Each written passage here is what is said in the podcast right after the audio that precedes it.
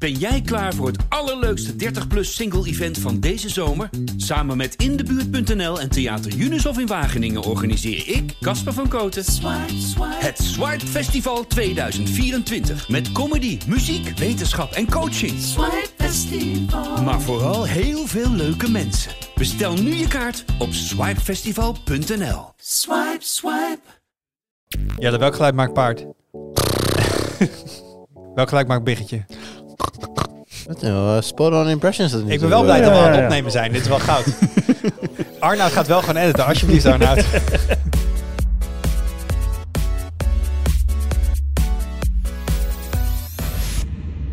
Hoi, leuk dat je luistert. Welkom bij een nieuwe aflevering van de Tweakers Podcast. Mijn naam is Wout en ik zit vandaag om tafel met Jelle Stuip, Hallo. met Thomas Hochtenbach Hoi. en met Jurgen Nubachs. Goedemiddag. Ehm, je hebt ze in het groot, je hebt ze in het klein en je hebt ze ook in het groot en klein nu. Rara, waar hebben we het over? Auto's. Een zak snoepjes. Bijna. Processors. Oh. Alsof Thomas weet waar het over gaat. Inderdaad, ik weet nog, ik zei net tijdens de lunchtafel gebruikte ik de term big.little, want het was een ding bij, bij ARM en mobiele socks helemaal in de way back when. Eh, dus dat is eigenlijk een, een bekend concept, maar dat zien we de laatste jaren een beetje hun weg vinden naar processors voor de desktop en de laptop. Nou, daar eh Jelle reviewt die dingen heel veel, dus Mhm. eh, je hebt dat eh, al genoeg onder handen genomen de laatste tijd. Thomas, je bent er laatst wat meer ingedoken om te kijken hoe die dingen verschillen van elkaar. Intel doet het op een bepaalde manier, AMD. En ik ben vooral heel benieuwd, wat heb je eraan? Dat ga ik je zo meteen vragen. Bereid je alvast maar voor. Maar voordat we dat gaan doen, gaan we even naar de post kijken. Ehm, en we hadden het vorige dat is altijd leuk. Dat als je in een aflevering zegt, ik weet niet precies hoe iets zit of wanneer dat jaar was, dan wacht je gewoon een week en dan heeft iemand ingestuurd wanneer het jaar is. Want we hadden het erover, hoe oud is Qi? De draadloze oplaadmethode. En eh, Wouter van Oorschot die zegt, nou, dat weet ik. Want de Lumia 920 was de eerste telefoon, voor zover hij weet, met Qi. En dat is in 2012. Dus je kan al 11 jaar lang, Ja. als je Windows Phone gebruiker was, eh, je telefoon draadloos opladen. Maar hoeveel Windows Phone gebruikers Kunnen, er toen? dit kunnen we ook gaan proberen om dit nu aan te kaarten als je heel veel post willen volgende week. Maar eh, het was wel, nou ja, het was niche. Maar inderdaad, het, het gaat al eventjes mee en we krijgen dus nu, ehm, ik ben benieuwd, misschien op CES veel meer dingen met Qi 2, omdat dat nu een breed gedragen standaard moet gaan worden. Ja, en deze week de, de iPhones. Hè. Volgens mij eh, hebben ze de update uitgebracht voor de 13 en 14, dat die daar ook mee werken. Gewoon nieuwe functionaliteit naar een oud ding brengen. Ik, ik, ik ben daar fan van. Je ziet het helaas niet, eh, niet heel vaak. Ehm, wat hadden we verder nog? Ehm, we hadden ook nog even over. Wat zijn nou precies de prijzen als je je eh, backup wil gaan wegschrijven naar AWS bij eh, Amazon? Ehm, in Europa schijnt, zegt de Niels met een 9 en 9 Iels. Hoe spreekt dit nou weer uit? Of is het gewoon een typo? De Giels? Neg- Negiels, ehm, die zegt eh, het kost zo'n 0,0245 dollar eh, per gigabyte voor de eerste Dus 50 tw- terabyte. 2 dollar cent. 2,5 voor de eerste 50 terabyte. Ik weet niet hoe groot jullie backups zijn. Die van mij zijn geen 50 terabyte. Past er net in, eh, volgens mij. Dus dan heb je echt eh, heb je genoeg. En eh, Willem van de K4886 die zegt, eh, ik vind het allemaal best wel duur. Hij gebruikt Mega. Toen dacht ik, is dat ook dat, toch dat gebeuren van Kim.com? Dat was toch dat WeTransfer, Ja. maar dan een beetje shady. Het is een beetje shady, ja. Ja, want je had ook nog een, mega, had je, ze hadden ook een muzieksharing dienst op een gegeven moment volgens mij. Maar is dat dit? Ja. Dat is deze mega volgens mij. Die hebben nu een soort retransfer-achtig iets, iets waar je dingen kan plaatsen. Maar het is niet WeTransfer, toch? Het is gewoon file storage. En dan op, krijg- het, op het moment dat je het linkje dan doorgeeft aan Ja, iemand je anders... krijgt nog dan... wel eens een soort mega linkje, net zoals je een retransfer linkje Ja. krijgt. Eh, daar kost het 20 euro per maand voor 6 terabyte. En ook dat is meer dan de backup die ik heb. Ehm, dus eh, doe er je voordeel mee. Er is heel, eh, heel veel aanbod om goedkoop eh, te backuppen. Ehm, en dan zie je ook maar weer dat het, het nieuws soms zo snel is dat het alweer achterhaald is. Want eh AE Girl 81 zegt, eh, hey, jullie hadden het over beepers, mini iMessage. Eh, dat spelletje is al voorbij, want het is door Apple alweer tegengewerkt. Volgens mij kwam het echt een dag na de podcast of zo kwam dat bericht al. Ja, maar inmiddels hebben zij weer een workaround bedacht. En werkt het weer. Ja, Dus- dit is toch gewoon het klassieke kat-en-muisspelletje waar je ook al aan refereerde. Dat binnen nu, waarschijnlijk morgen komt het bericht dat Apple dat weer heeft dichtgegooid. En dan komt weer een nieuwe workaround. Rinse, repeat. Ja, want eh, eerst ging het op basis van je telefoonnummer. En dat hebben ze dus bij Apple geblokt, omdat ze konden zien dat dat geen Apple-telefoon was. En nu doen ze het op basis van je Apple ID e-mailadres. Ehm, en je mag ook iMessagen van een niet-telefoon op een e-mailadres. Dus nu moet Apple weer gaan bedenken hoe ze dit dan weer gaan detecteren. Ehm, ik eh, zit met de popcorn klaar. Dan gewoon een random vraag, eh, die ik op zich wel interessant vond. Dat is van Wouter Aleman. Die zegt, wat denken jullie van de voordelen van 5G in combinatie met noodgezondheidszorg? Om te beginnen denk ik daar normaal niet veel van, want dat is niet iets waar ik veelvuldig over nadenk. Nee, een beetje in de categorie hoe vaak denk jij aan het Romeinse Rijk? Vaker dan aan 5G in combinatie met eh, waar, gezondheidszorg. Ehm, hij zegt van, in plaats van AED in iedere wijk, eh, zou je ze dus met een drone naar de plek van het noodgeval kunnen brengen. En dan heb je geen onnodige AED's in iedere wijk die misschien één keer per jaar worden gebruikt. Eh, maar zekerheid, ik weet A, even niet waarom je hier 5G voor nodig hebt. Dit komt met 4G ook. Ja. Ehm, maar dit, ja. nou ja, dat heb ik ook wel vaker van providers van die pitches gezien. Nu we 5G hebben, kunnen we dit. Denk ja, maar dat kon ook over 4G. Maar AED's met een drone, Dat vind ik wel handig. is dat snel genoeg?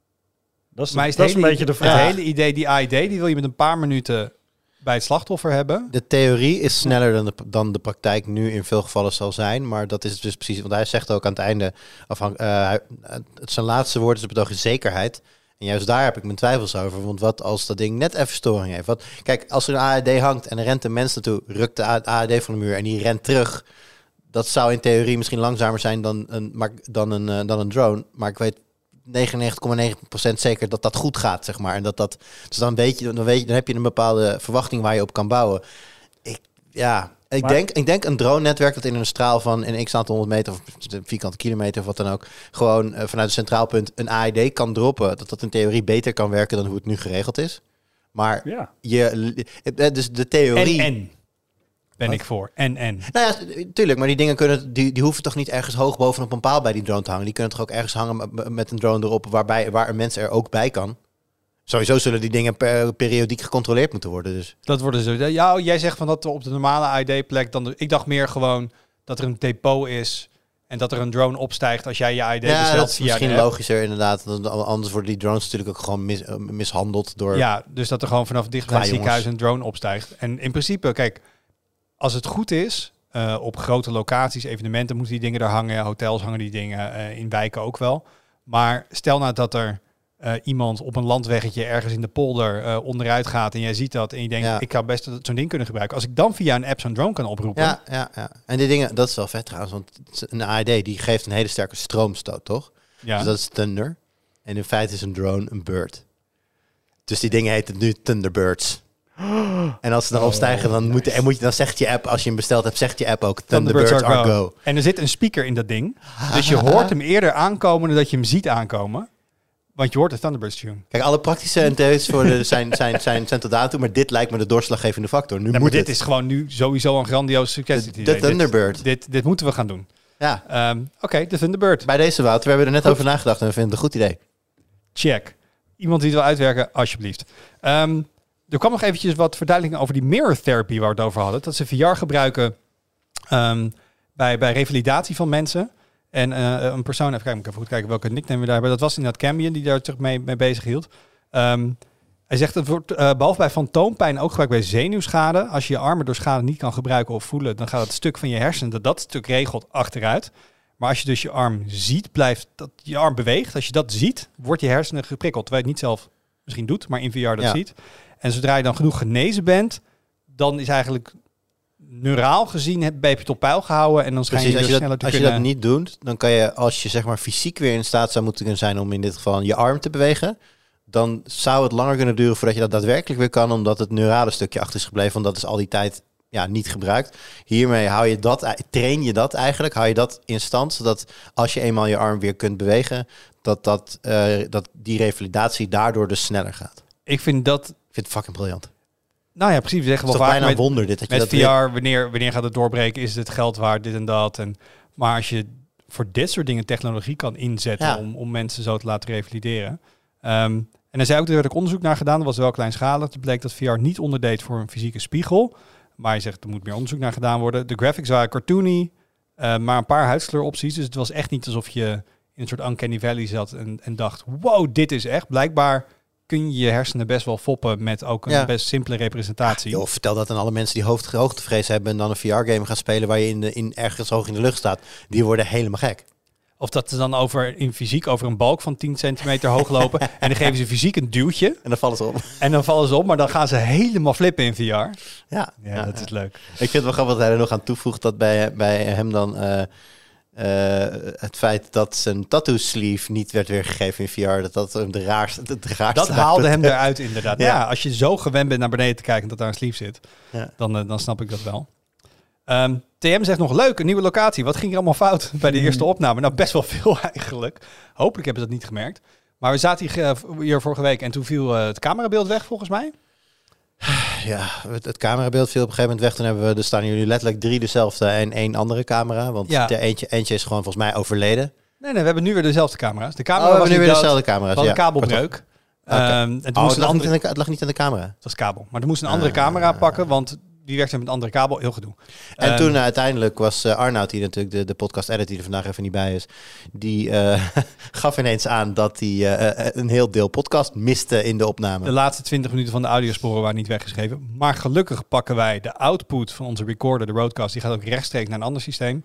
Dus we hadden nog wel een stereo signaal. We hadden een back in de, in de episode waarin we het over backups hadden gehad, hadden we gelukkig ook een backup van gemaakt. En ik heb niemand erover gehoord. Dus eh, als het goed is, halverwege de aflevering zie je dat Arnoud zijn camerabeeld opeens anders wordt. En waarschijnlijk beter, want we hebben een veel mooiere camera toen opgehangen. Ehm, en de, de hele edit is anders gedaan. Maar eh, het feit dat iemand moet vragen of er iets fout is gegaan, denk ik, nou, job well done. Ja, dat, oh, en wat, er, wat, wat ging er allemaal fout? Nou, we zitten ook nog eens in een nieuw hok. En eh, dat, ja, bij een nieuwe plek horen nieuwe problemen. Dus op een gegeven moment ging er ook iemand buiten ons hok staan bellen. En dat is nog eventjes wat afspreken en wat, wat, wat onderling, Ik heb net een briefje opgehangen. Hier, Oh, niet, kijk hier niet babbelen, hier Ja, we, niet we bellen. moeten eigenlijk gewoon zo'n sexy on-air eh, lampje eh, buiten hebben hangen. Maar ja, tegen de tijd dat we dat binnen hebben, dan gaat deze studio er alweer uit. Dus dan gaan we Nou, naar de... dat kunnen we misschien nog iets mee regelen. Dat, dat komt wel goed. Hey, er kwam nog een specifieke gamevraag binnen. Een Dus gamevraag. ehm, de- ik weet dat jij er niet van bent. Dan ik al deze heren hier naast me die game ook wel is. Eh, van Dario NL. Die zegt, vraag voor de podcast. Ehm IG Aonuma, denk ik, als ik het goed uitspreek. De producer van de Legend of Zelda games gaf aan in een interview met IGN... dat lineaire games, zoals The Last of Us en Zelda Ocarina of Time... iets van vroeger is. Hoe denken jullie daarover? Ik zeg schande. Eh, ik zeg dat ik, dat ik da- daar niet mee eens ben. Eh, hoe, hoe bedoel je iets van vroeger is? Dat, dat het niet meer gaat komen? Want Nou na The. Last of Us kwam The Last of Us 2. Die ben, ik- ben, ik- ben ik nog steeds aan het spelen. Het is een Nou ja, fantastische lineaire game. Oude Noema heeft natuurlijk zelf ook nog eh, het afgelopen jaar en of dit jaar, we zitten nog in het huidige jaar, een, een Legend of Zelda game uitgebracht natuurlijk die in die zin lineair. Ja, misschien. Ik, ik- kijk, het is natuurlijk dit kun je op heel veel manieren interpreteren. Kijk, The Legend of Zelda eh, is een deels lineair verhaal, maar laat je wel heel vrij in waar je eerst heen gaat, hoe je het verhaal, hoe je de, hoe je de puzzelstukjes van het verhaal neerlegt, op welke volgorde. Dat is voor een deel vrij. Misschien bedoelt hij dat. Tegelijkertijd zien we natuurlijk ook wel een hele eh, sterke shift naar games as a service, games die je eh, online kan spelen. Eh, dus het is minder de standaard dan dat het 30 jaar geleden was. Simpelweg omdat 30 jaar geleden we niet online speelden en dus alles was een soort van lineaire single-player game. Ehm, maar het einde, het, einde is zeker niet die zegt sterker nog als je dit jaar vergelijkt met, een, met eh, de, zeg maar de laatste vijf à tien jaar hiervoor, dan heb ik juist het idee dat we dit jaar weer meer hoogwaardige singleplayer games hebben gezien. Terwijl we juist al een aantal jaar ook zeggen van goh, zou het nu dan toch het einde zijn van de grote singleplayer game? Nou, dat blijkt, laat de game-industrie toch zien dat dat nog niet zo is. Ehm, dus wat ik zeg, ik denk dat Aonuma meer, misschien meer doelt op dat er een bepaalde mate van vrijheid moet zitten en dat het niet eh, een, een, een vastzittend rieltje van ah, echt een, de, de, de standaard adventure die gewoon een, een vast pad volgt. Misschien bedoelt hij dat. En dan, Dan ben ik het nog steeds niet mee eens. nou, dan de laatste Want hij noemt letterlijk The Last of Us. En dat vind ik een van de beste games Ja, ever die ik gespeeld heb. En ik wil er graag meer van. Als ik elk kwartaal zo'n game kan spelen, ben ik een hele blije woud. hoe hard denk jij dat die mensen werken? Elk kwartaal een nieuwe game. Nee, niet elke keer The Last of Us. Maar gewoon dat type game. Met studie, als de hele industrie ongeveer vier keer per jaar zo'n goede Ik singleplayer... vind ook wel eens elk kwartaal een nieuwe The Last of Us, dan moeten ze wel de naam af. Want is, dan is het gewoon The Next of Us. The Next of Us, inderdaad. Ehm, Thomas, heb jij er nog een mening over? Ik ben heel benieuwd wat ze met, met GTA 6 gaan doen. In dit opzicht, want bij GTA Ja. 5 had je natuurlijk een beetje singleplayer die soort van lineair was. Er zat wel een verhaal in, maar je had wel heel vaak zelf keuze. Je kon switchen tussen... Ja, de, de, de eikpunten in het verhaal, de milestones, om het zo maar te zeggen, die zijn, die zijn lineair in de zin van, ja, je hebt bepaalde verhaalmissies. En daartussenin kun je natuurlijk heel erg veel variëren en zelf een pad kiezen. Dat gaat GTA 6 natuurlijk sowieso doen.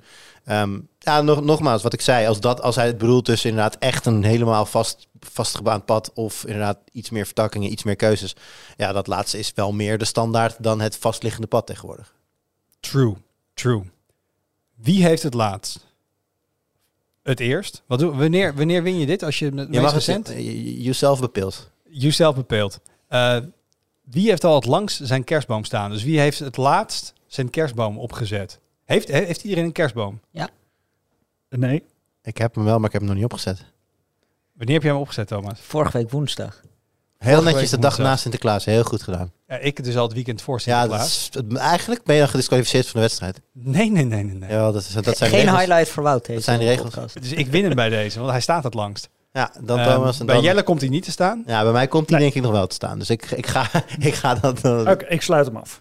Oké. Ehm, dat is misschien nog wel even een leuke, mijn, mijn highlight. Eh, hadden het over games en hoe het vroeger ging en nu. Ehm, ik heb een half jaar geleden of iets langer een, eh, een documentaire op Kickstarter gebackt. Die heet FPS. En dan de Ultimate Story, bla bla bla. En dat is echt een soort liefdesproject van mensen die FPS gaming helemaal vet vinden. Die hebben iedereen die ook maar een rol heeft gespeeld in de history of first-person shooter gaming voor de camera getrokken. Eh, beide Johns, John Romero, John Carmack, de mensen achter eh, 3D Realms, Cliff Vet. Lesinski, eh, iedereen van Epic. Eh, maar ook mensen uit de jaren 70 toen ze op een soort vector displays de allereerste 3D graphics deden. Mensen van Apogee. De hele flippend geschiedenisboeken van de FPS. Iedereen voor de camera getrokken voor een docu. Ho- hoe lang is die docu dan? Iets meer dan vier uur. en ze hebben hem niet, in, ja. niet in een soort miniserie episodes opgeknipt. Ehm, je kan natuurlijk gewoon pauze zetten. Dus ik heb, ik heb het eerste anderhalf uur gekeken. Ehm, als, je hebt van die docu's die voor iedereen leuk zijn. Ook al vind je de, de, het onderwerp niet leuk, maar het is gewoon heel goed gebracht. Dat is dit niet. Je moet inderdaad wel FPS gaming leuk vinden en het vroeger gedaan hebben om ook...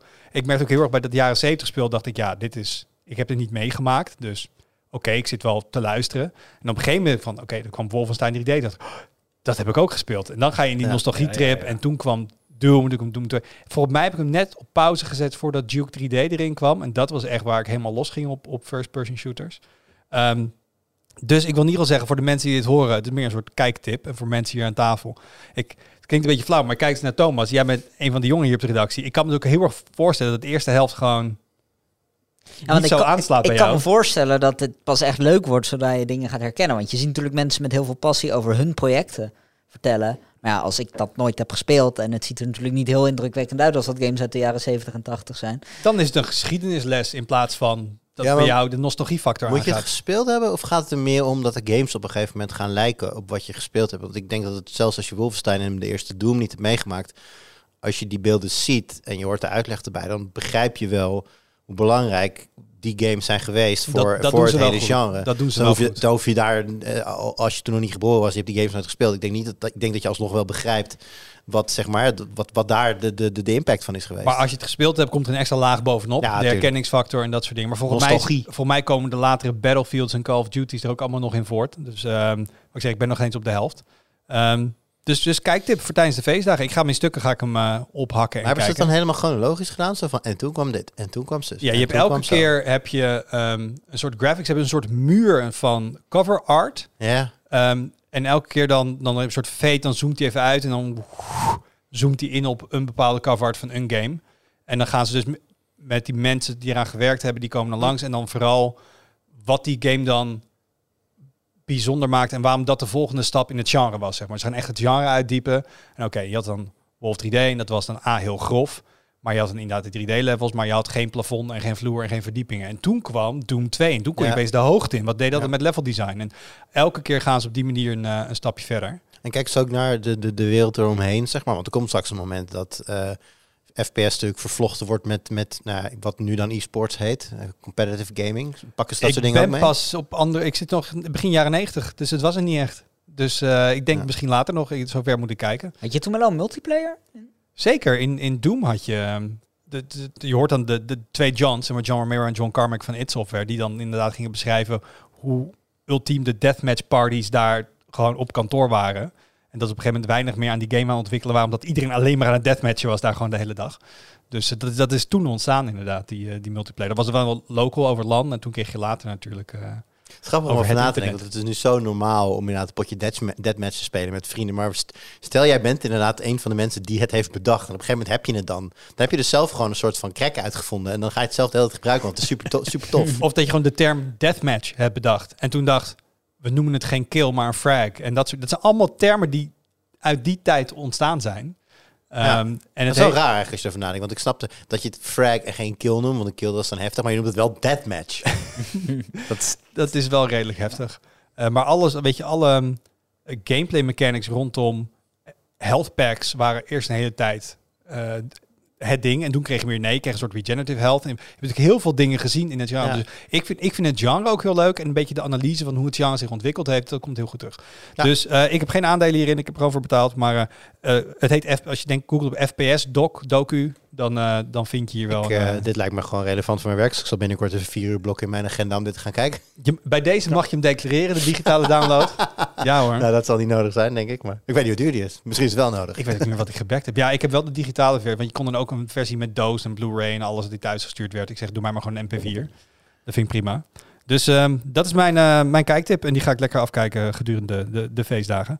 Ehm, even kijken, dan, dan was Thomas, hè, want die had ook een kerstboom staan. De enige andere met een kerstboom. Kunst of eh, echt eigenlijk? Echte. Ja, Echte, ik, ook, ja? ik ben ook al tien. Oeh, ja, ik, uit gemak. Ik heb een hele chille uh, nepboom. Die klik ik echt in een paar, uh, nou niet een paar minuten, maar die vrij snel in elkaar vind ik toch chill. Maar elke dag, als ik mijn woonkamer inloop, En gewoon naar beneden het. en ik doe de deur Ja. open, dan ruik ik de kerstboom. Ik wil En het, ik wil het. Ik zeg al jaren van, ja, volgend jaar. Maar het is elke keer volgend jaar. Want op een gegeven moment denk ik, dan zit ik bijvoorbeeld vanavond thuis en denk ik, ah, ik, ik pak wel even snel die boom weer. Maar, Maar- dat is toch een onzin dat je, dat je niet gewoon een nepboom neerzet. Dat, je- dat je helemaal zo'n boom laat groeien. Daar, die, daar gaan heel veel moeite en grondstoffen in. En dan vervolgens staat dat eh, een maandje en dan gaat, die, Je kan hem ook gewoon in je tuin. ga- gaat de hens Je kan hem ook gewoon in je tuin zetten en dan, is dan de volgend jaar maar, weer uithalen. Ja, maar dat zegt iedereen. En, dat doet vervolgens niemand. doet niemand dat. Ja, dat denk jij. Maar, de, maar zeg maar waar ik nu woon, de vorige bewoners, die hebben dat dus gedaan. En die, maar die hebben hem in de groenstrook naast onze tuin gezet. Dus, en ik heb zoiets van, ja, dat is niet mijn boom, niet mijn groenstrook, dus het zal wel. Maar dus, er groeit naast mijn huis serieus een kerstboom. Dan kan je die toch gewoon versieren. Dan hoef je helemaal dat plastic ding ook Ja, maar die staat in de groenstrook naast mijn huis, die zie ik verder niet. Maar ik ben wel, ik, ik zit wel sterk te overwegen om na dit seizoen gewoon een mooie. Ik moet wel zeggen, vroeger, vroeger toen ik een klein woudje was en wij thuis een kunstboom hadden, dat ding zag er echt niet uit. Toen waren kunstbomen super fake. En ik was laatst bij iemand thuis. Toch mooi dat het nu over kerstbomen in de Tweakers podcast gaat, maar dat maakt niet uit. en toen, de kwaliteit van kunstkerstbomen tegenwoordig, je hebt echt individuele naaltjes en zo. Ja, dat was ja, eerst een soort confetti die op vastgeplakt was. Dus zit er wel op een punt dat ik denk, ja, maar het ziet ook echt uit als een echte boom. Ja, dan hang je er gewoon zo'n geurblokje in. Dan heb je dat ook. Nou, heb jij klaar. zo'n mooie kunstkerstboom met echt van die naaltjes? Nee, ik heb een echte. Oh, jij, hebt- een echte, ja. Ik heb, een, Oh, jij nee, ik een heb niet zo'n mooie in die zin. Hij is, ik, die, ik, ik vergelijk hem altijd met van die nep eh, eh, kerstbomen die dan bijvoorbeeld in Amerikaanse hotels staan. Gewoon, gewoon nep, maar dat je ook echt de nepheid er gewoon vanaf springt. Alleen, dit is de oude boom van mijn oma. Die is inmiddels al een paar jaar overleden. Dus ik ja, wil eigenlijk, zolang, dat, zolang hij overleeft, wil ik deze boom wel houden. Ah, oké. Ja, snap ik. Emotionele waarde. Zullen we, zullen we het over, over, ophouden over kerstbomen? Zal ik Wat het toch maar over? Windows gaan hebben? Ja. Ja, nee. De, de, de- de- Windows is een beetje mijn, mijn, ehm, mijn, mijn guilty pleasure. Veel- Moet je daar guilty over voelen? Ve- veel mensen, de- de- er zijn veel mensen die met Windows werken. Er zijn maar weinig mensen die van Windows houden. Eh, maar ik Eh, vind het altijd ik ben er één van. Ik vind Windows prima. Maar Ja, ik, ik snap Ja, je ook. vindt Windows prima, maar krijg je elke dag een warm gevoel als je weer een Windows logo op Ik je vind het rommel. Ik ben... eh, Oké, fan gaat heel ver. Ik waardeer Windows. Daar, durf ik te zeggen. Nou, ik ook wel. En ik, en ik vind het ook wel leuk om daar een beetje in te duiken van wat er allemaal eh, aan zit te komen. En er waren de afgelopen tijd, hebben we ook op de site wel een beetje gecoverd, geruchten van komt er volgend jaar weer een nieuwe Windows versie. En gaat die dan Windows 12 heten? Ehm, nou is er eh, afgelopen week een heel groot leak geweest. Ehm, eh, een journalist die werkt bij Windows Central, die heeft goede bronnen binnen Microsoft. Die heeft een hele, hele lange podcast opgenomen over wat er allemaal tot nu toe bekend is en waar ze aan werken. Eh, er komt volgend jaar weer een grote nieuwe Windows release, een beetje vergelijkbaar met Windows 11. Eh, dan is de vraag natuurlijk gelijk, gaan ze hem ook Windows 12 noemen? En dat is waarschijnlijk niet zo. Eh, en, en de reden waarom, hoe die dat uitlegde, is dat ze binnen Microsoft zeggen van, nou op zich zou dit qua wat er allemaal nieuw gaat zijn en hoeveel het verschilt, zou dat wel de naam van de nieuwe Windows waard zijn. Maar ze hebben gezien dat ze bij Windows 11 wel echt een soort splijting in hun installed base hebben veroorzaakt. Dat, dat er nu heel veel mensen, volgens mij nog een miljard apparaten, draaien op Windows 10. eh 400 miljoen ongeveer op Windows 11. En eh, nou, in het begin zie je dat natuurlijk die, die, zie je die overstap best snel gaan. En op een gegeven moment stabiliseert dat toch een beetje. En blijf je gewoon over met een vrij grote eh, groep die op een OS draait. Wat je straks gewoon, hè, wat straks uit support gaat. En dat zal vast nog wel een beetje verlengd worden. We hebben het eh, vorige week nog gehad over, over ehm, dat Windows 10 weer eh, extended support krijgt. Maar goed, handig is het, is het gewoon allemaal niet. Dus eh, ze willen niet weer zo'n harde reset met nieuwe systeemeisen. Maar. Windows 12 zou wel een punt zijn waarop ze weer licentietjes kunnen gaan verkopen. Dus uit, als je win, ooit was het idee, er komt één versie van de Windows die we in de eeuwigheid blijven updaten. Dat was Windows 10 volgens mij. Want this is the Ja. last version tot het 11 kwam. Ja. Ehm, en want dan is het dus een gratis update wederom. Ik denk ook dat ze niet meer terug kunnen. Ik denk dat het, het, het, het hele concept van eenmalig een software licentie verkopen, dat dat wel een beetje passé is. Als je eenmaal hebt gezegd van echt grote Windows versies, Windows 10 was natuurlijk wel echt een, een, een misschien wel de laatste echt major nieuwe Windows. Eh, als je die gewoon jarenlang gratis hebt weggeven, dan kun je niet daarna zeggen van oké, nu kost het weer 100 euro. Nou ja, Maar- ik, ik weet niet, ze moeten ook gewoon ergens geld vandaan halen. Dus Ja, maar, maar dat doet Microsoft met services en niet meer met... met En met eh, gekke dingen in je startmenu hangen. Eh, Wordt met- dit dan Windows as a Service? Dat, dat denk ik. Want ik zit dus al, er zit een beetje zo over na te denken terwijl jullie hierover aan het, eh, aan het bomen zijn. En ehm, ik denk bij mezelf, als ik naar kijk naar grote platforms zoals daar zijn Call of Duty. Call of Duty is toevallig eh, recentelijk eh, g- afgegaan. De, nieuwe games hebben wel een naam, maar ze hebben dus een nieuw platform bedacht. Dat heet Call of Duty. En daaronder vallen dan, zeg maar, zie je dan de games die je wel of niet hebt. Ik zou, ik zou het heel logisch vinden als ze dat met Windows ook doen. Dus de, de nieuwe, het nieuwe product heet gewoon Windows. En, en, afhankelijk van jouw systeem gebruik je daar bepaalde dingen wel en niet van. Maar het heet gewoon Windows. En Maar het ik wordt mag wel- doorlopend up, geüpdate. Ik mag wel elk jaar 60, 70 euro neerleggen voor het nieuwe Call of Duty. En met Windows is dat dus op dit moment niet het geval. En de vraag is wel, als, ja, als businessmodel Nou ja, wat je zegt, dan Op het moment dat, ja, als, als, het- als het klopt wat jij zegt, as a service, dan ga je er gewoon standaard voor betalen. Ook al heb je niet steeds een nieuwe versie. Maar dat doen ze ook nog niet. Dat gaan ze dan denk ik doen. Ja, of dus dat ze het inderdaad met die gesponsorde... Ik bedoel, er komt natuurlijk steeds meer reclame in Windows te zitten. Eh, daar vinden Ja, mensen ook en wat vooral van. ook voor hun eigen diensten. Hè. Ik bedoel, ze, ze, ze, ze geven jou Windows. En dan hopen ze dat jij een OneDrive abonnementje neemt. Een Het is, Office het is eigenlijk gewoon de abonnementje. Google Android-strategie. Android is gratis, maar daardoor gebruik je wel allerlei Google-apps die erop staan en het Google-ecosysteem. En dan kreeg ik vanochtend weer een melding, je Google Drive is bijna vol. Wil je bijbetalen om extra storage te krijgen? Ja, hebben ze me toch weer te pakken. Ja, ja dus, dus ik denk dat, er, dat het helemaal niet... Bedoel, de, de tijd van honderden euro's voor OS is sowieso voorbij. En ze zouden er misschien een paar tientjes voor kunnen vragen. Maar aan de andere kant, als zij gemiddeld ook al een paar tientjes verdienen... als ze het OS gewoon gratis aan heel veel mensen eh, geven... en die mensen of advertenties laten zien... of eh, abonnementen laten afsluiten op allemaal dingen... Of je doet het als service inderdaad en je doet meerdere gradaties. Dus je, hebt, je kunt gewoon zoals het nu is gratis blijven gebruiken. Of je neemt de pro-licentie waardoor je gewoon, gewoon automatisch sneller updates krijgt. Snellere, f- sne- snellere eh, hulp als dat nodig is. Dat soort dingetjes. Ja, Korting, korting op aanvullende producten. maar hoe het ook gaat heten, wanneer moet dit dan uitkomen? Eh, dat, dat is wel eh, grappig. Waarschijnlijk eh, ergens eh, in de herfst van volgend jaar. Dus een jaar na 23H2. Maar eh, op nieuwe apparaten, eh, laptops die, die nieuw worden verkocht, zouden al vanaf de zomer komen te staan. En dan staan dus al eh, de nieuwe OS-versie staat op die laptop. Alleen alle nieuwe features die staan nog uit. En dan komt er een eh, Windows Update, een enablement package noemen ze dat. Zo hebben ze dat ook met de uitrol van 23H2 gedaan dit jaar. En dan zetten ze gewoon op afstand de vinkjes aan. En dan krijg je opeens allemaal nieuwe features. Ik haat server-side switches, weet je dat? Want dan heb ik ook met mijn telefoon dus iemand, hey, er is een nieuwe feature in Android. Dan ga ik kijken, waarom heb ik hem niet? Ja, het wordt server-side gefaseerd aangezet. En dan heb ik weer idee, weer iets wat niet van mij is. Dat het op mijn apparaat niet Ja. onder Yep. controle is. En eh, waar gaan alle nieuwe features in Windows 12 mee te maken hebben, denk je? Jelle, wil jij het zeggen? AI. Is het AI? Het is Het is AI. Oh, yes! Windows 12, als het zo gaat heten, waarschijnlijk dus niet. Het wordt in ieder geval de AI-release van Het wordt een Windows AI sowieso. Want Ze, hebben natuurlijk eh, Copilot gedaan in 23H2. Kunnen wij nog niet of, of niet helemaal gebruiken, omdat het eh, met de Europese goedkeuring nog niet helemaal rond is. Maar in ieder geval, de, de- zeg maar, de lijst van AI-features die naar Windows gaat komen, die was onuitputtelijk. Dus de, je hebt al wat dingetjes met dat je plaatjes kunt bewerken en dat soort eh, dingen. Er komt image gen- generation komt erin. Eh, dat Copilot wordt veel verder uitgebreid. Dat je echt op een gegeven moment gewoon hele eh, algemene, ambiguë vragen kunt gaan stellen. En dat eh, jouw systeem gewoon snapt wat je bedoelt. Ook al zeg je niet specifiek. Ik wil dit plaatje openen in dit programma en daar dit mee doen. Je zegt gewoon, ik wil. maak, maak de achtergrond wazig. als je naar een plaatje aan het kijken bent. En dan gaat Windows zelf voor jou bepalen welk programma heb ik geïnstalleerd, wat dat kan doen. en die bewerking uit kan voeren.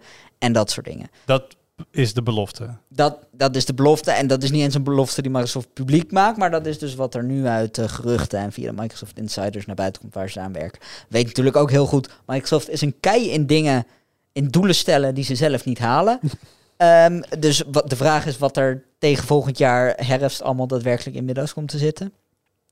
Maar Gaat het nog iets doen met, want in Windows 11 ging het op een gegeven moment heel erg over fluent design. Want het moest allemaal op de schop en het moest mooier en alle oude dialogen moesten. En we gingen zelfs de File Explorer vernieuwen en Notepad werd vernieuwd. En zijn daar nog geruchten over dat ze dat verder door gaan trekken? Want er zijn nog steeds best wel veel nooks en crannies in Windows die die makeover nog niet gehad hebben. Nou, ja, l- dat is een, een proces wat een beetje ongoing is.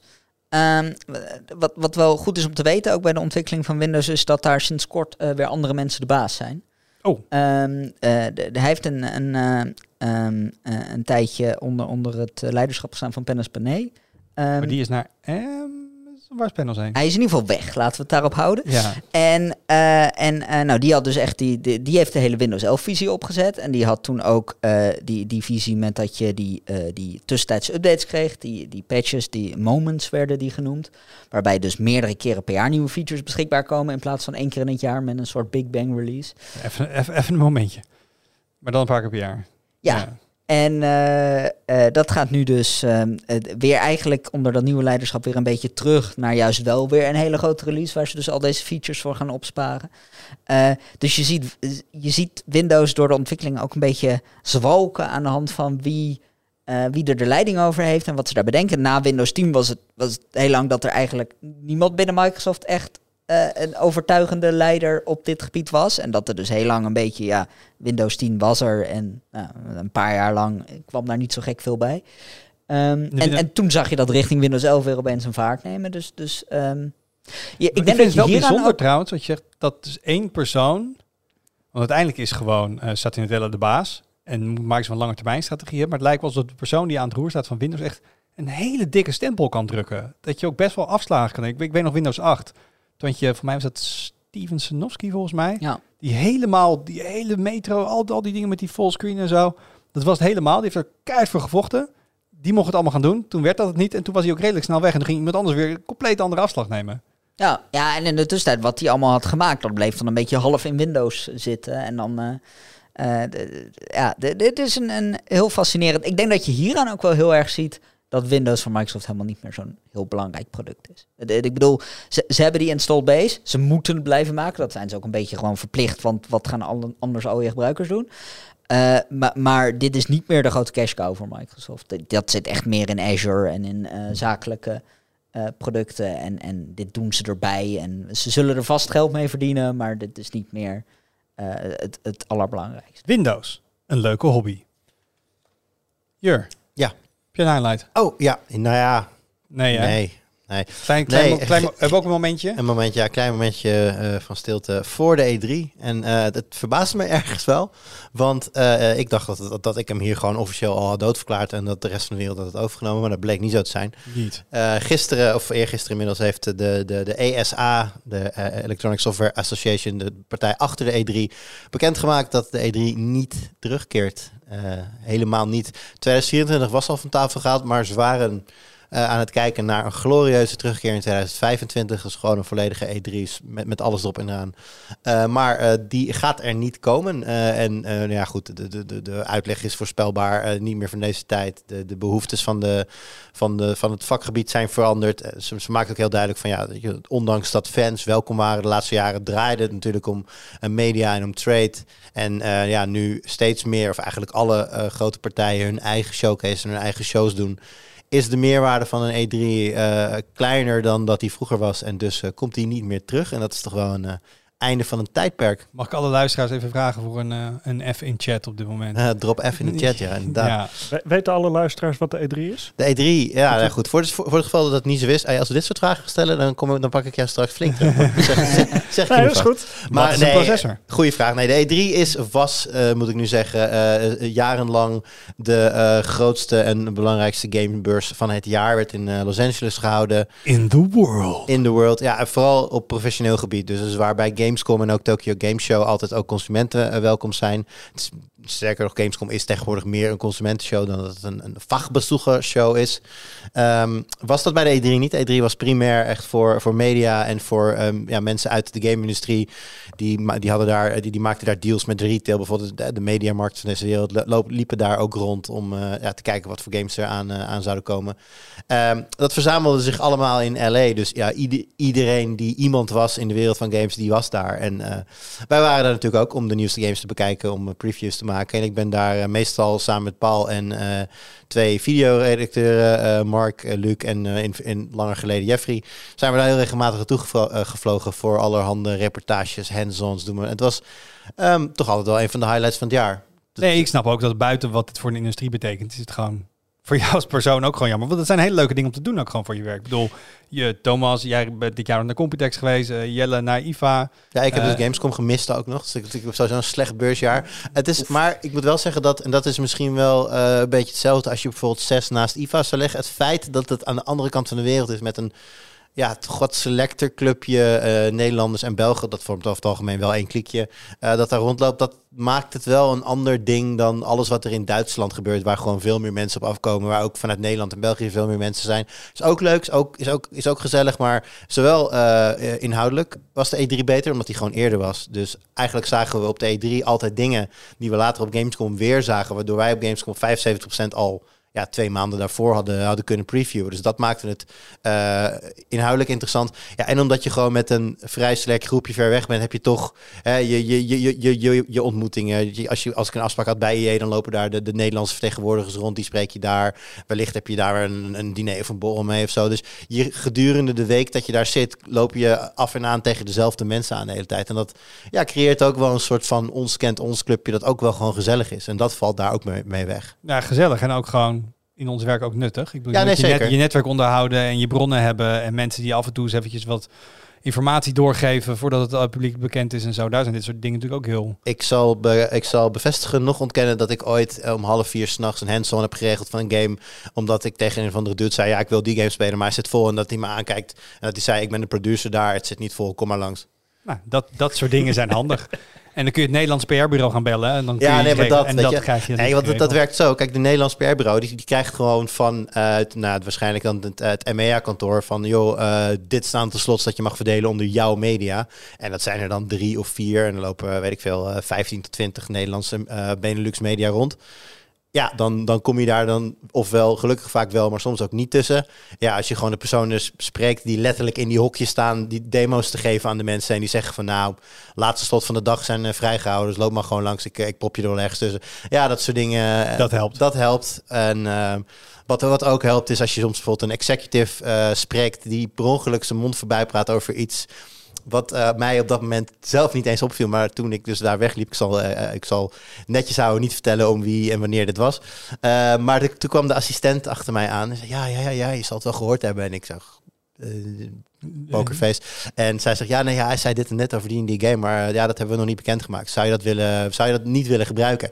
Ik zeg, ja, ik ben een journalist. Ik heb een, een interview gedaan on the, on the record. Dus uh, ja, ja, begrijp ik wel, begrijp ik wel. Is er anders iets voor je kunnen... Dus nou ja, ik heb die, die game op mijn, eigenlijk op mijn wenslijst staan, maar ik heb daar nog geen afspraak.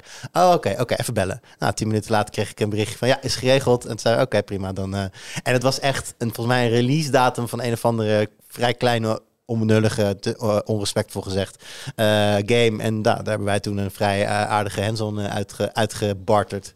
Dus dat soort dingen, dat gebeurt ook nog op, uh, op beurzen. Ja, tot maar niet, maar, maar, maar niet, meer. meer op T3. ik ben wel benieuwd trouwens of er iemand nu in het gat gaat springen. Want het laat natuurlijk wel een soort vacuüm achter. Je merkt ook in de reacties van, van mensen in, die werkzaam zijn... dat iedereen vindt het jammer. Alleen niemand wil er meer voor betalen. Dus dat is een beetje een ding. En, en daarom vind ik het gek ergens, want... Uh, een CES kan wel draaien, een Computex kan wel draaien, een Mobile World Congress kan wel draaien. Dat zijn allemaal grote sectoren. Maar heel eerlijk, de gamesindustrie in zijn totaliteit is voor mij het is groter dan Hollywood. Het is groter dan heel veel andere dingen. Ja. Er gaat genoeg geld in om. Er zitten genoeg belangen. Er zitten genoeg grote bedrijven. Dus als nou, al die andere sectoren dit kunnen, zou je toch ook wel denken dat ze wel iets. Ja, nou, kijk, een paar, een paar, dingen spelen daarin mee. En dat zal voor andere sectoren ook gelden. Maar ik denk vooral in games nog meer. Um, de manier waarop informatie naar de eindgebruiker uh, wordt gebracht is gewoon heel anders. Vroeger was de E3 onmisbaar. Want als er niet een journalist vanuit hier daarheen vloog om alles te gaan bekijken, dan, dan kwam die informatie gewoon niet hier terecht. Tegenwoordig, of tussen de laatste jaren van de E3, was bijna alles wat we daar zagen, was of tegelijk, tegelijk al op internet te zien, of werd een, week later in zijn geheel op internet gegooid. Ging het echt puur om de spelervaring. Ehm, elke grote partij heeft zijn eigen, heeft eigen streamers in dienst tegenwoordig. Die hebben gewoon deeltjes met, met bekende streamers die los van hen staan. Uh, organiseren hun eigen shows. Doen eigenlijk die hele informatievoorziening vanuit het development team naar de, de gamer toe. Dat doen ze allemaal zelf. Je hebt Dev Diaries, noemt het allemaal op. Dus die rol van, van media die daartussen zit, is minder, zeg maar op informatief vlak, minder van belang dan vroeger. Kijk, je hebt natuurlijk nog steeds wel een deel van een media die iets in perspectief zet. Is het goed, is het slecht? Dat je, wat, wat, wat vinden we ervan? Maar ja, als je, als je twintig jaar terug in de tijd gaat, dan alle informatie die hier over de E3 las, die stond even, even kort gezegd in de Power Limited. Omdat zij erbij waren en that's it. Het is ook een beetje, uh, Rockstar had zeg maar niet de media nodig nee, om nou, mensen precies. hyped over GTA 6 te krijgen. Nee, precies. En ze zullen misschien wel op een gegeven moment media gaan laten spelen. Maar zelfs dat is niet, niet niet zeker. Want ja, wat je zegt, ze hebben het niet nodig. Uh, dus dat is één ding. Daarbij komt ook dat uh, je merkt dat events toch echt wel naar consumers zijn, uh, zijn toegeshift. Ook weer om ja, toch zo, een zo direct mogelijke lijn naar die uit te gebruiken. Want uiteindelijk zijn dat de mensen die de game moeten gaan kopen. En daarom zie je ook dat zo'n Gamescom loopt nog steeds. Is volgens mij, werd volgens mij afgelopen jaar toch ook weer uitverkocht. Dus als er al iemand in het vacuüm gaat springen daar, dan verwacht ik dat het een, een, een uh, ja, misschien een Repop-achtig bedrijf is. Maar is dan het, met een focus op consumenten. Is het, is het retail-ding dan niet heel groot? Want ik, als ik naar CES kijk, daar heb je natuurlijk ook alle grote internationale elektronica-boeren en zo die die producten moeten gaan verkopen. Die gaan daarheen, die worden dan gefeteerd en zegt Samsung, moet je kijken wat een mooie koelkast we hebben. Het scherm is nu 12 inch meneer van de Best Buy. Ja, uh, wilt u hem alsjeblieft neerzetten? Maar heeft, uh, laten we Ubisoft even als, als voorbeeld nemen. Heeft Ubisoft een E3 nodig om, in, om de inkopers van grote retailers te verteren? Ik denk het niet. Nee, maar nogmaals, waarom werkt dit dan voor andere sectoren wel, die natuurlijk niet helemaal hetzelfde zijn, maar echt wel wat overlap is? Dus ik denk dat, ik denk dat, ik denk dat het concept ook binnen gaming moet kunnen werken, maar dat misschien gewoon de organisatie van de E3 er niet rondkrijgt. Ja, of het, is, of het is iets wat later ook naar andere, in andere sectoren zichtbaar gaat zijn. Dat, dat uiteindelijk het betalen voor zo'n centrale plek, of misschien zijn de kosten van de CES per gebruiker wel veel lager dan bij de E3 was. Ik heb geen idee hoor, maar dat soort dingen. Maar is het niet ook zo dat, dat al die ik, ik, zit niet heel erg in games, maar ik heb het gevoel dat uh, Microsoft zit allemaal studio's op te kopen.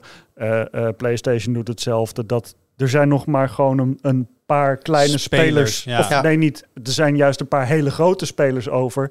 Microsoft die kan zijn eigen evenementje wel doen. Nou ja, kijk, zo is, zo is PlayStation ja, maar dat, dat deden ze dus. Kijk, zo, zo is eigenlijk het einde van de E3 ingeleid. De laatste paar jaar dat de E3 nog wel was, hadden Mike, Microsoft zat helemaal niet meer in het, in het, in het, zeg maar, het convention center. Microsoft had namelijk het Microsoft Theater vlak naast het convention center. En die keek van, even kijken, dat kost ettelijke miljoenen. Dat is van ons. Uh, moeilijke keuze.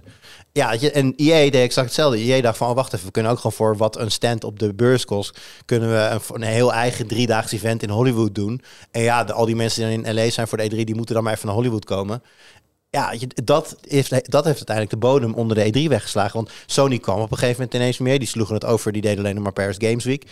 Ja, als je niet kunt bouwen op de, alle, op de, de, de, de vijf, zes grootste uitgevers van de wereld om je, beurs, om je beurs te dragen, ja, dan stort het een beetje in. En dat uh, zie je eigenlijk bij Gamescom ook. Alleen het verschil daar is dat je consumenten hebt die gewoon kaartjes kopen en zo blijft die beurs draaien. Maar als je kijkt wat er staat, dan valt het best wel tegen. De tijd dat, dat, dat IE de helft van een gigantische hal vulde met zijn stand is gewoon voorbij. En ja, dat, dat wordt dan nu opgevoed door wat kleinere, uh, wat kleinere partijtjes, wat e-sports dingetjes. Um, maar ja, dat op een, op een trade-only beurs werkt dat niet, want dan heb je die, die betalende consumenten dus niet. Ja, maar dan betekent het dus ook dat eigenlijk de slachtoffers van het wegvallen van de E3, dat zijn dus die kleine studio's. Min of meer, ja. Die, hebben Nu, die missen nu een podium, want die kunnen ook niet een eigen showcase doen en, uh, en, en eventjes wat media daarheen halen, wat de groten der aarde natuurlijk wel uh, eens één of twee keer per jaar uh, doen.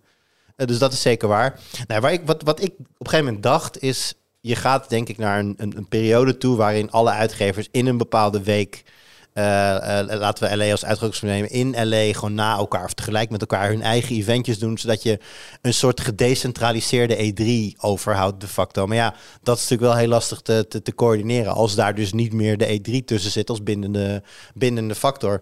Um, Dus nog steeds als, de, als de, de, de grote partijen de aarde met elkaar aan tafel gaan en zeggen, joh, wij trekken twee weken uit in, in, eh, in uh, LA en we gaan in, die tijd doen we allemaal daar onze events. Lijkt mij heerlijk, want dan hoef je niet meer uh, op en neer te rennen naar E3. Heb je alle tijd gewoon voor veel betere videoproducties. Er zitten alleen maar voordelen aan, maar ja, dan moet het dus wel gecoördineerd afgesproken worden. En dan moet het ook maar in iedereen zijn development cycle passen, want dat was ook nog een ding. E3 was altijd vrij vroeg in het jaar en er werd vaak gezegd door ontwikkelaars van ja, dit past eigenlijk heel slecht in ons, in ons schema. Een play, heel veel uh, developers hebben geklaagd over dat ze dus specifiek resources moesten gaan inzetten om maar een playable demo klaar te hebben in de tijd dat E3 was. Want eigenlijk stond dat pas op hun roadmap voor veel later in het jaar. Dus dat speelt ook nog eens mee. En is dat tegenwoordig niet ook een veel groter probleem? Dat zelfs als je ziet als er in het holiday season games uitkomen, dat die zo brak zijn dat er in juni gewoon helemaal niks speelbaars te maken is. Ja, nou dat. Of wat je in juni... Kijk, als zij, als zij gewoon... Een, een, ze pakken hem meestal een slice uit de game. Ja, als je, als je in maart begint met die slice... en je gaat hem lekker patchen, zeg maar echt puur die slice... en je timmert hem helemaal dicht... ja, dan heb ik best het gevoel dat ik op de E3 iets heel solides gaat spelen. Iets waarvan ik niet denk... Van dat, dat, dat, dat ik in mijn preview kan zeggen... dit voelt wel aan als iets wat bijna af is. Maar ik heb natuurlijk geen idee hoe de rest van de game er op dat moment voor staat... en waar zij verder staan. Dus de, de plek in het jaar is wat dat betreft ook echt wel een, een discussiepunt. Rip. Rip. Rip. Jelle. Is het iets vrolijk ja. aan jouw kant? Nou, eigenlijk had ik hier niet moeten zijn. Dus het is eigenlijk. Dat klinkt wel heel dramatisch. Ja, dat is wel vrolijk. Jij, jij, wilde ook een E3'tje poelen? Of, uh... Nee, dus eigenlijk is het heel leuk dat ik er ben. Nee, ah, uh, uh, ja. Arnoud had hier moeten zitten. En um, ik zat net niets vermoedend te lunchen.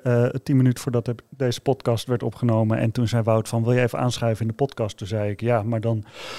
Wat moet ik dan als, als highlight doen?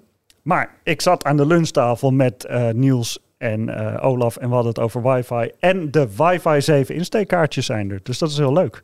Want daar hadden we het dus over. En ik zag laatst wel een mooie test van... Uh, het zit ook nu ook op moederborden. Uh, ja. de, nieuw, de, nieuwe wifi standaard. Um, ja. Volgens mij was de samenvatting...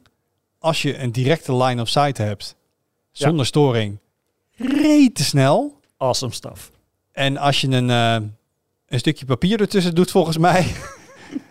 dan zakt het al wel in. Of is dat iets negatief uitgedrukt? Nou, dat is iets te negatief, maar je slaat de spijker wel, uh, wel op de kop, want het is allemaal nog een beetje... Um, ja, dus tot nu toe kon je alleen maar de moederborden kopen met ingebouwde kaartjes. Maar als je nu nog een oud borrel hebt staan, dan kan je dus los zo'n kaartje erin doen. En Wifi 7 is gewoon nog, het is gewoon nog niet echt af. Dus we hadden volgens mij een, een, een router met een Qualcomm chipset, zeg ik het goed, ja, Thomas? Klopt. En als je dus ook een moederbord had met een Qualcomm Wifi 7 kaartje, dan werkt het helemaal te gek. En had je een Intel netwerkkaartje, dan werkt het ook best wel goed. Had je Mediatek, dan kon je niet eens verbinding maken. Dus, um... Ik heb trouwens een paar dagen terug een mailtje gekregen van, uh, van Gigabyte. Die hadden een van die borden met zo'n Mediatek wifi kaartje. Ja. Uh, met, met, met de inhoud, hier heb je een nieuwe driver voor je Mediatek kaartje. Nu werkt het wel. Dus gewoon oh. de nieuwe feature van die driver update was, nu werkt het wel. Vond ik wel mooi. Changelog, we've made the product work. Ja, uh, en, en ja. wat daar specifiek misging trouwens, je hebt dus uh, 6 gigahertz netwerken met wifi 6 e al en met uh, 7 dus nu ook. En dat hele netwerk zag je gewoon niet. Daar kon je geen verbinding mee maken. Dus ja, dat dan, maakte de test ook een beetje niet. lastig. Ja. ja.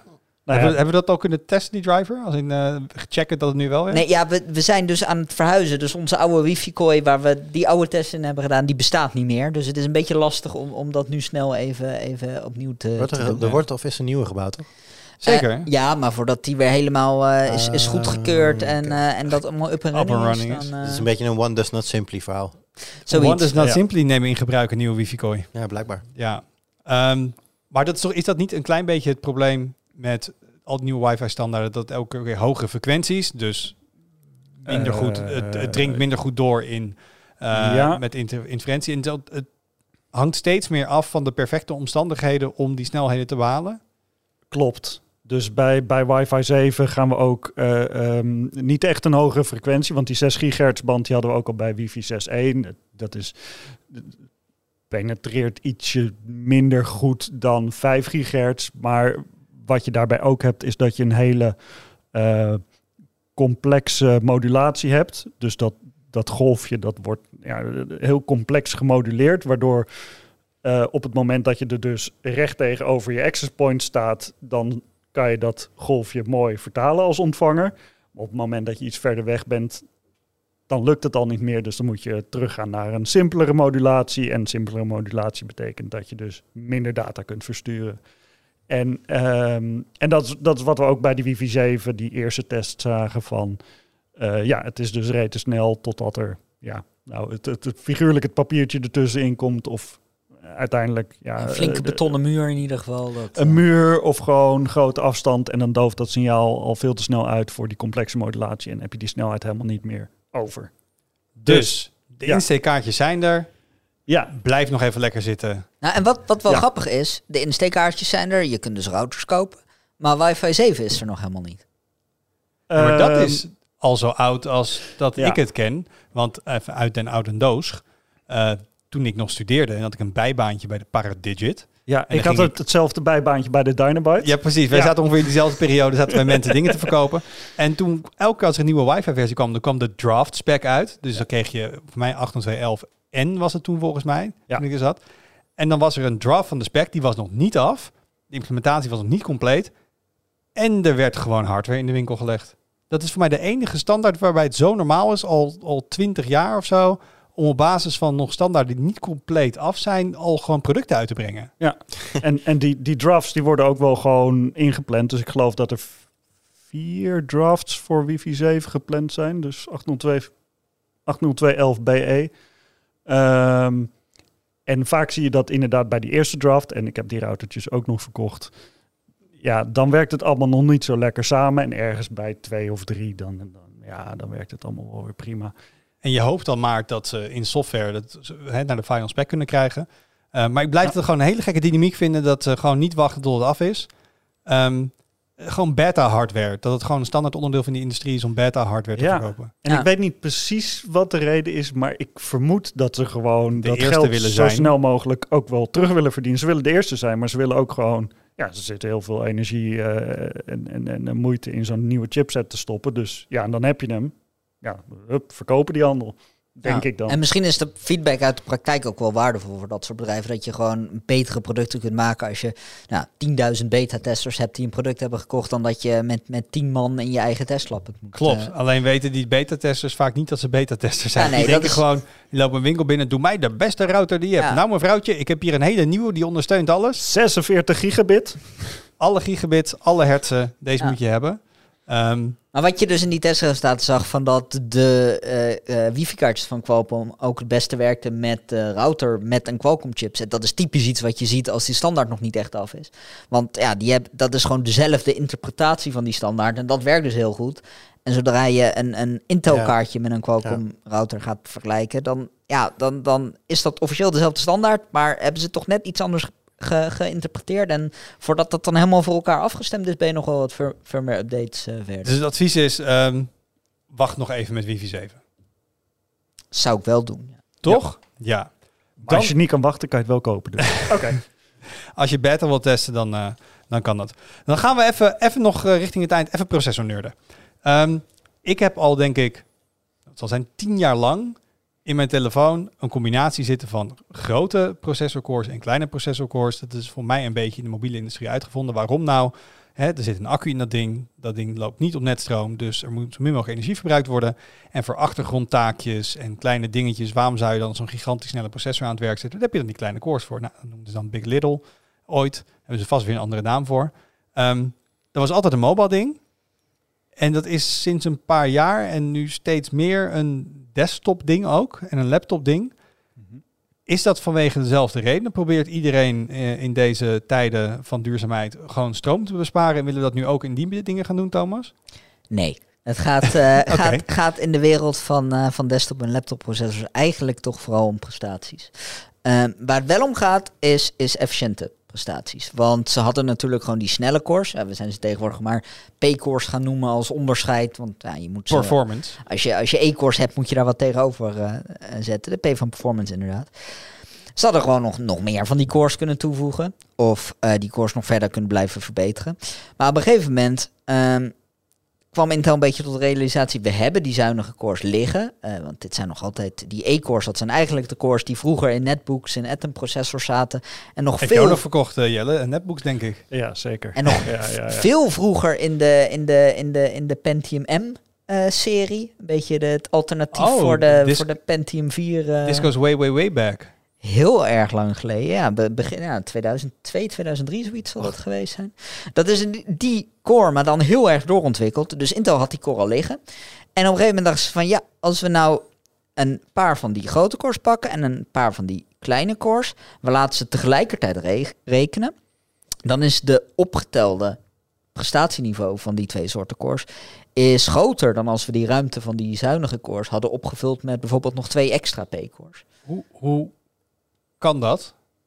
Dus je zegt eigenlijk per vierkante millimeter dat ze in die, die chip opnemen, of per watt die ze verstoken, zijn die kleine dingen eigenlijk gewoon efficiënter. Die, die leveren je meer waarde. Ja, het zijn efficiëntere chips eh, eh, die eh, cores die minder hoog kunnen klokken.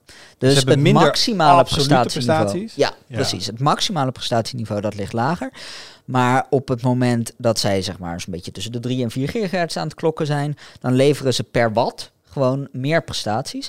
En ehm, die efficiëntie moet je op twee manieren zien. Het is efficiëntie in stroomverbruik, waar we het nu over hebben. Maar het is ook efficiëntie in die space. Want bij Intel zie je bijvoorbeeld dat de verhouding tussen de grootte van een P-core en een E-core is ongeveer 1 op 4. Je kunt dus vier E-cores in de, in de die size van één P-core zetten. Ja, en die vier kleine cores die zijn gewoon per stuk langzamer. Maar vier daarvan zijn samen in multithreaded workload zeker sneller dan één P-core. En waarom gooien we niet dat, he- die hele chip ramvol met E-cores, als die dingen toch efficiënter zijn? Eh, dat, dat we doen Intel en AMD, maar dan alleen voor servers. Eh, want als jij dan een workload hebt waarvan je zegt, ik ga, heb s- iets wat eh, 100% van de tijd alle cores kan benutten, dan is dat eigenlijk gewoon de efficiëntere methode. Eh, maar in de consumentenwereld gebruiken wij heel veel programma's die lang niet alle cores kunnen benutten. Eh, die eh, soms maar op één core draaien en daar gewoon op dat moment maximale prestaties nodig hebben. Soms wel op een aantal cores. Games is natuurlijk een belangrijk voorbeeld van iets waar eh, nou, voor volgende berekeningen is gewoon de uitkomst van een eerdere berekening relevant. Dus dat betekent dat één berekening zo snel mogelijk in, met piekprestaties moet worden gedaan voordat de rest van de processor weer verder kan. Ja, en als je dan alleen maar heel veel kleine per stuk niet zo snelle cores hebt, eh, dan heb je daar niet zoveel aan. Dan heb je gewoon die piekprestaties nodig. Ja, oké. En, en jij hebt het eigenlijk vergeleken tussen eh, Intel en AMD. Intel heeft dus eigenlijk ehm, iets uit eh Jelle's Dynabyte tijd gepakt en dat helemaal doorontwikkeld. En eh, dat is een heel groot verschil. En AMD doet het anders. Ja, dat was eigenlijk de aanleiding voor dit artikel. Dat Intel doet dit dus nu een jaar of twee. En AMD heeft nu eh, eh, deze maand komen ze voor het eerst met eh consumentenprocessen. En in de eerste instantie wel nog voor laptops. Waar Zen 4 C-cores eh, in zitten. En, Compact. eh, ja, compact. eh, maar aangezien het een beetje uit de serverwereld komt, wordt het ook wel eens uitgelegd als cloud. De C van cloud. Ehm, het, AMD heeft deze core gebruikt zo iets langer voor die Epic CPU's, die server CPU's. Wat hebben ze gedaan? Ze hebben een Zen 4 core gepakt. Dat is hun nieuwste eh, ja, eh, P-core, zullen we het dan maar noemen ook. Ehm, die hebben ze te heet gewassen. Toen is hij zo'n eh 35% kleiner uit de wasmachine gekomen. En ehm, die stoppen ze nu ook in processor. En wat betekent deze te heet gewassen? D- Dat die alle dimensies is hij kleiner. Nee, dat snap ik. Maar, maar de interne structuur ervan, dus hoe alle paden lopen, hoe de rekeneenheden werken, is identiek. Ze hebben gewoon alles wat in die processor zit kleiner gemaakt dan het was. maar dan heb je toch eigenlijk gewoon diezelfde high-performance core, maar dan kleiner. Dan heb je dezelfde core, maar dan kleiner. En dat is aan de ene kant een heel groot voordeel. En dan ga je weer die hele chip vol stoppen met die dingen. En dan gooi je die oude grote dingen weg die 35% groter zijn. Ja, maar omdat ze kleiner zijn, ehm, heb je minder headroom voor klokfrequentie. Dus eh, wat je overhoudt is een processor die, of een processor core die dezelfde IPC heeft, die dus eh, per kloktik net zoveel berekeningen kan doen. Alleen de maximale kloksnelheid van een Zen 4 core is nou tegen de 6 gigahertz aan soms. Eh, en bij een Zen 4 C core is dat maar een gigahertz of 3. En bij de Intel e-core zit dat op een gigahertz of 4.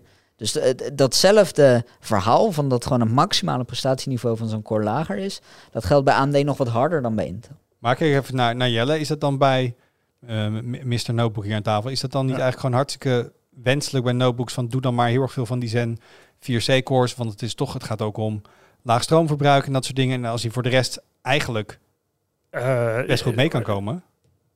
Ja, dat, dat, dat, zou je, dat zou je kunnen zeggen. Maar eh, wat, wat Thomas net ook zei, kijk, af en toe heb je gewoon die, die maximale boost van zo'n P-core heb je wel nodig of is wel wenselijk.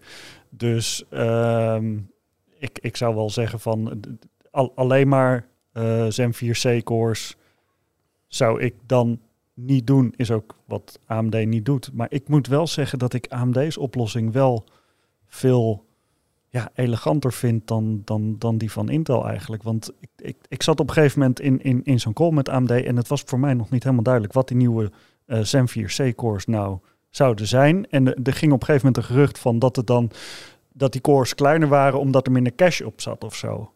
En toen liet AMD de specs zien en die zei- zeiden van nee, het zijn gewoon dezelfde cores. Alles is hetzelfde, dezelfde cache, hetzelfde alles.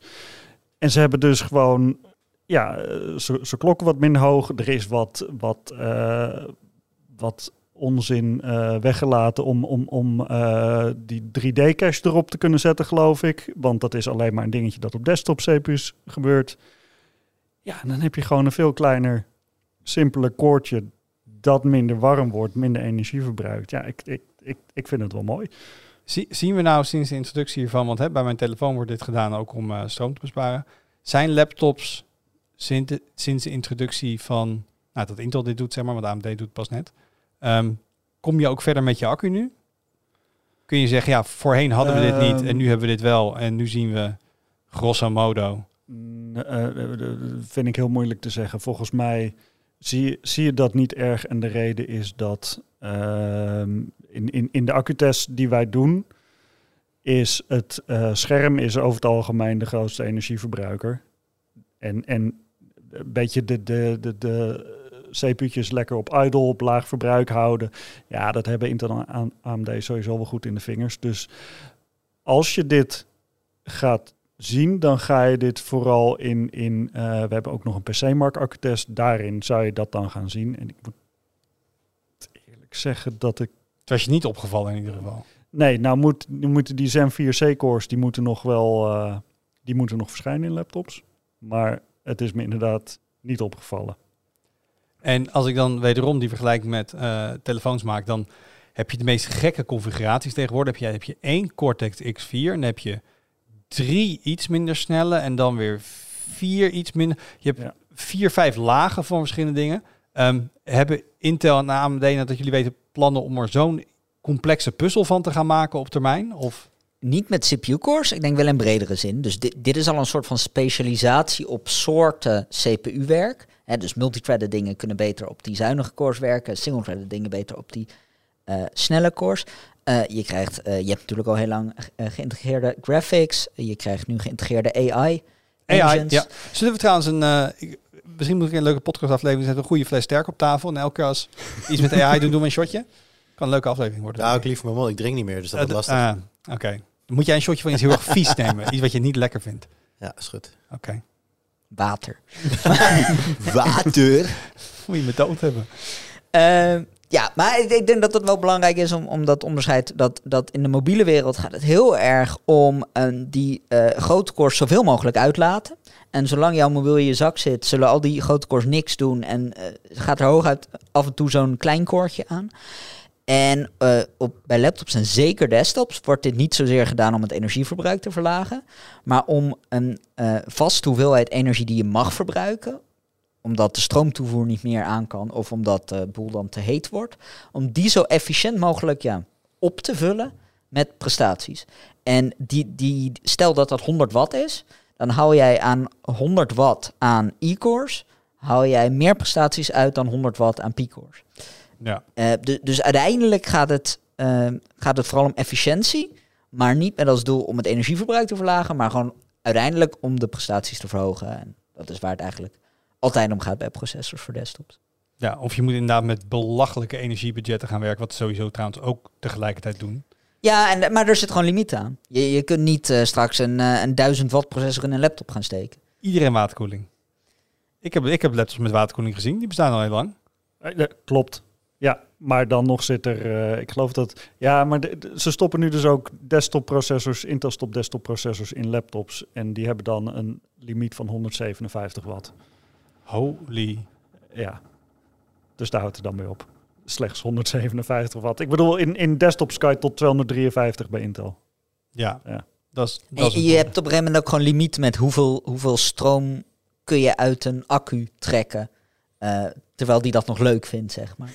Eh, de- dus dus bij, bij laptops zitten gewoon... Maar aan de andere kant, de thermal zullen de limieten wel strakker zijn, denk ik. Want ja, je zit ik, ik denk dat je daar eerder tegen de limiet loopt. Precies. De, dus ja, de, de, het, het, het, het gaat gewoon om, eh, om, om die prestaties op een zo efficiënt mogelijke manier uit de chip. Dus dit is wel een blijvertje. Eh, ik denk het wel. Eh, en ik denk dat je, ehm, we hebben natuurlijk van, vanaf de eerste single-core processor tot eh, toen het allemaal multicore werd, hebben we heel langzaam software zien verschuiven naar langzaam steeds meer multithreaded worden. Eh, maar dat is wel een trend. En het gaat wel steeds meer naar die multithread toe. En juist daarvoor zijn die e-cores of Zen 4 C-cores, eh, die zijn daar heel erg goed in. En Windows gaat steeds beter snappen hoe ze ermee om moeten gaan bijvoorbeeld. Het is een mooie Windows trouwens, wat wij kunnen waarderen. Zeker. Dat, eh, dat mooie OS. Alright, ehm, ik vind het wel heel knap dat we dit hele verhaal hebben gedaan. En dat er een paar uur na dat deze podcast uitkomt waarschijnlijk processornieuws naar buiten komt. En dat hebben we allemaal naar buiten kunnen houden. Nog- goed. Omdat het nog niet mocht. Ehm, dan wil ik nog even sneak peeken. We hadden het al over eh, wifi. Nou, er komt een, eh, een, een router Best Buy aan voor wifi routers. Nog geen wifi 7. Moet ik er meteen wel bij zeggen. Maar we hebben net geleerd, daar hoef je niet al te Zit je helemaal niet op te wachten. hoef je niet al te droevig om te zijn. Ehm, verder eh, heb ik samen met collega Olaf een eh, co-productie gemaakt. Hij heeft de review gedaan, ik heb de video gedaan van de Home Assistant Green. Ehm, eh, dus als je into smart home bent, dat ben ik, wist je misschien niet. Ehm, dan, eh, nee, dat wist je niet hè? Nee, nee geweten. een soort kleine hobby. Ehm, ze hebben twee verschillende dingen. Ze hebben de green en de yellow. De een is ongeveer twee keer zo duur als de ander. Eh, en we proberen te beantwoorden. Wanneer moet je nou de een hebben en wanneer moet je nou den ander? En ehm, speciaal voor Jelle, zijn favoriete beeldschermtechnologie. Friso is bezig met een mooie Samsung Odyssey Gaming OLED monitor. Nou, vooruit. Daar kunnen we nog wel een keer een hele podcast over volpraten. Ja, dus is- eh, ja, dat is sowieso wel lekker in de OLED live, toch? Met eh Steam Deckje binnen. Oh, ik heb er zo'n hekel aan OLED. Eh, wacht, dit, dit, wordt, nog- dit wordt nog uitgezonden, hè? ja, dat is voor de, na, voor de after, de after zometeen. Ehm dus dat komt er allemaal nog aan op de site. Dus eh, ik heb de planningen wel. Soms zie je het een beetje teruglopen zo met de feestdagen. Maar we, we zijn goed lekker aan het be- bezig. Dus er is genoeg te doen als je lekker van je vakantiedagen aan het genieten bent. En je moet je dagelijkse eh dosis nerd content hebben. Dan kun je bij Tweakers nog steeds goed terecht rondom de feestdagen. Dank jullie wel. Dank je wel voor het luisteren. Heb je feedback, dan kun je altijd even een bericht sturen naar podcast.tweakers.net of een reactie achterlaten onder de podcast of de video. En tot volgende week. Doei!